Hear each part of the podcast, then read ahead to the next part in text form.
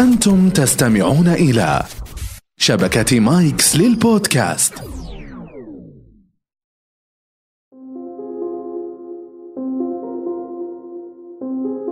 يقولون بأن السعادة معدية. الشخص السعيد المبتهج يؤثر إيجابيا على من حوله، ولكن المشكلة في المكتئب المحبط ينفر الناس من حوله. كيف أكون أنا الشخصية السعيدة وأنا ناشر السعادة؟ دعونا نتعلم شيء من هذا الفن.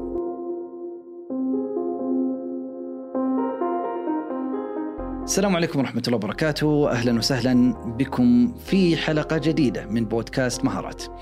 تحدثنا في الحلقة السابقة عن تحفيز الذات وهذا من القضايا المهمة ألا أنتظر الآخرين يمدحوني يثنون علي يحفزوني بل أنطلق من الداخل ذكرنا أن مصدر هذه الحلقة هو كتاب 100 طريقة لتحفيز نفسك ذكر الكاتب عدد من الأفكار الجميلة وبعض الأفكار المجنونة فدعونا نسترسل في بعض هذه الأفكار التي بدورها إن شاء الله تعالى سوف تحفز أنفسنا أكثر وأكثر. مرة ثانية تذكروا بعض الأفكار مجنونة ولكن نخرج من الروتين الاعتيادي بتطبيق هذه الأفكار. اولا أحد الأفكار التي يذكرها المؤلف ابتعد عن التقنية أو ما يسمى بالصيام الإلكتروني. ابتعد عن الجوال يوم كامل، عن التلفاز، عن أي حاجة تقنية ويوم كامل، هل تستطيع تفعلها؟ الصيام الإلكتروني ترى مفيد، سوف يجعلك تتجه إلى نمط جديد في حياتك ما سبق سويته. طيب يطلع عندك أوقات فراغ سوف تتواصل مع بعض الأقارب، تجلس معهم، مع العائلة، أو تتجه إلى أمورك الأخرى، تجرب أن تعود إلى عالم القراءة الورقية وتجلس مع هذه الكتب. أو تبدأ تفكر وتخطط إلى المستقبل وإلى أمورك الأخرى فسوف تعيش نمط آخر جديد. جرب مرة ثانية أن تمارس الصيام الإلكتروني. أنصح شخصيا بأن تمارسه مرة واحدة في الشهر، يوم كامل ابتعد عن الجوال. ثانيا ابحث عن مكان تأتي منه. يقول المؤلف السعادة مكان تأتي منه لا أن تحاول الذهاب إليه، الله جميل هذه والله. السعاده مكان تأتي منه لا تحاول الذهاب إليه. ليش؟ لأنك أنت الأصل أنك عايش في عالم السعادة، وهذا هو المكان الطبيعي الذي أنت تمارسه يوميا وتعيشه تماما ولا أن تذهب إليه، ولكن بعض الأحيان تضطر أن تذهب إلى أماكن فيها مشكلة معينة ثم تعود إلى عالمك الأصلي عالم السعادة. السؤال المهم ما هي أماكن السعادة التي لديك؟ أماكن السعادة قد يكون واحد غرفته البسيطة التي يجلس فيها أو عمله أو ذلك الكفي الذي يجلس في زواياه ويحتسي شيئا من القهوة مع قراءة كتاب، هذه كلها تصنع لك سعادة، كيف تصنع سعادتك؟ تعلم أن تصنع سعادتك بنفسك، اعرف نقاطك واستمتع بها وعيشها في حياتك. ثالثا تميز في علاقاتك، حفز نفسك من خلال العلاقات التي لديك. فبعض الأحيان مما يحفزك أنت أن تجلس مع الآخرين وتعطيهم بعض الأفكار أو يطلب منك مساعدة فتبذل له المساعدة. تجد نفسك مستمتع في نهاية هذا اليوم لأني ساعدت الآخرين. أو حتى في علاقتك مع الآخرين تمدحهم وتكون أنت المحفز أو الملهم أو المشجع لهم. هذا يعطيك سعادة داخلية. رابعا تعامل مع الأمور بمنطق اللعب. في بعض الأحيان جرب إنه بعض الأمور لا تأخذها كما هي وجاد لا بمنطق اللعب. مثلا المذاكرة. اجعل منها لعبة ممتعة. إذا جيت تذاكر كأنك جاي تلعب، يلا أنا بلعب اليوم عندي لعبة المذاكرة المادة الفلانية، كيف سوف أذاكر ولا؟ وتبدأ كذا تغلق الغرفة عن نفسك عشان ما يقول والله هذا لأنه عندنا أفكار مجنونة فلا يقول والله مجنون، لا، فتبدأ أن تعيش معها بمنطق اللعب. كذلك نفس القضية تحويل بعض الأعمال إلى لعب يعطيك ترى مجال من يعني حس إبداعي أكبر خروج عن المألوف العمل الممتع الذي يرضي رغباتك يمكن أن تجده في شيء من الخروج عن المألوف بهذه النمطية الاعتيادية إلى عالم تفكير بطريقة اللعب أو أيضا بطريقة أخرى تراها مناسبة. كلما ادخلنا عناصر اللعب على عملنا أصبح النشاط الذي نقوم به ممتعا وستظهر لنا مستويات أعلى من الطاقة التحفيزية.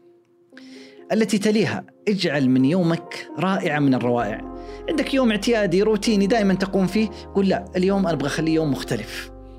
أبغى يكون يوم رائع جدا جدا جدا لا أنساه. فابدأ عيش هذا اليوم. الحياة تراها الآن وليس تقعد تقول والله سوف أفعل بعد عدة أشهر بعد عدة لا لا. فكر خلاص خلال الأيام القادمة من هذا الأسبوع أريد أن أختار يوم وأجعله يوم رائع جدا. هذا ترى تحفيز ذاتي لك. تستانس ترجع كذا في نهاية اليوم تقول والله كان يوم حلو ما أجمله وتبدأ تكرره بشكل دائم. ردت قبل أن تنام في بعض الأحيان أن هذا اليوم كان من أحسن أيام حياتي وتعيش فعلا أنه هذا كان يوم جميل.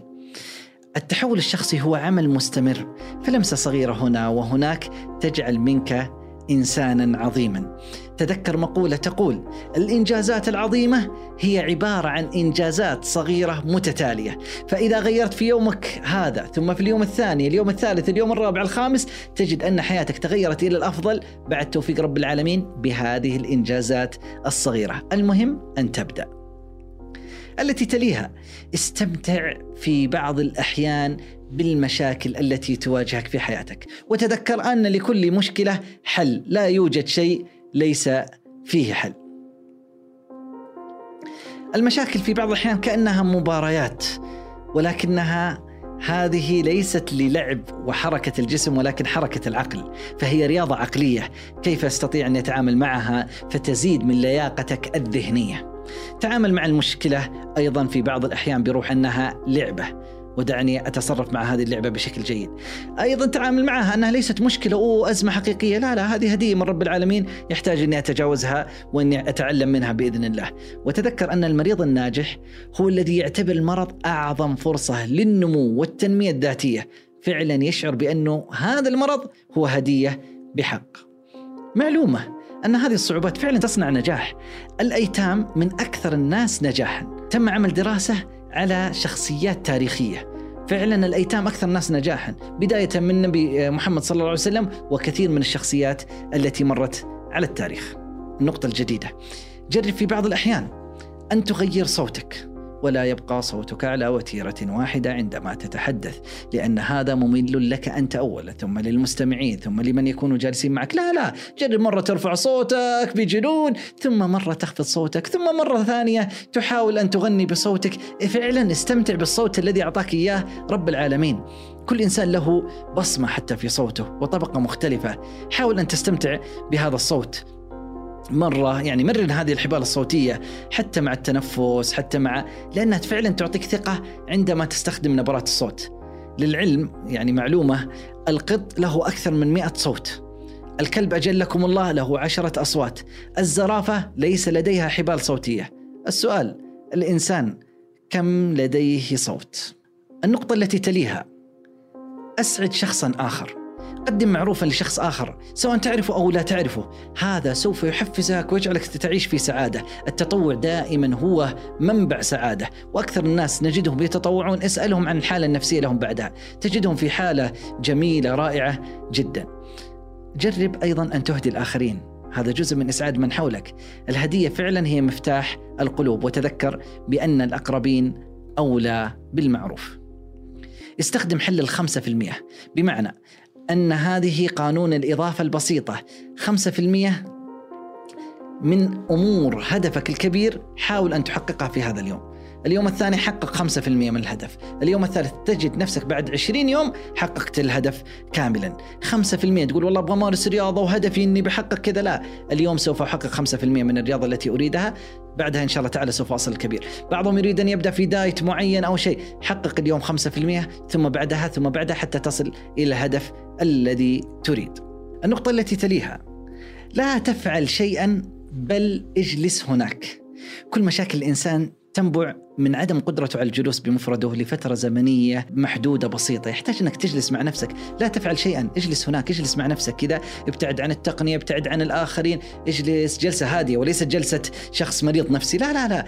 جلسة هادية رايقة مع نفسك. لأنه من خلال هذه الجلسة سوف تجد أن داخلك طاقة أفكار طموحات ما وجدت وقت أنك تفكر فيها. جلوسك مع نفسك يعطيك وقت. أن تفكر وتتأمل فيها أكثر وأكثر. عندما نكون مع أنفسنا فهي أفضل حالات التي نستمد من خلالها أفكار محفزة. أفضل طريقة لفهم الواقع هو أن نبتعد عن آخرين ونجلس مع أنفسنا. ولذلك أدعوك للجلوس مع نفسك والتأمل والتفكير. ولذلك دعني أختم الحلقة وأقول لا يكفي أن تكون على قيد الحياة بل يجب أن تكون أيضا على قيد الأمل على قيد الحلم على قيد التفاؤل على قيد كل شيء جميل سيحصل لك يوما ما. السلام عليكم.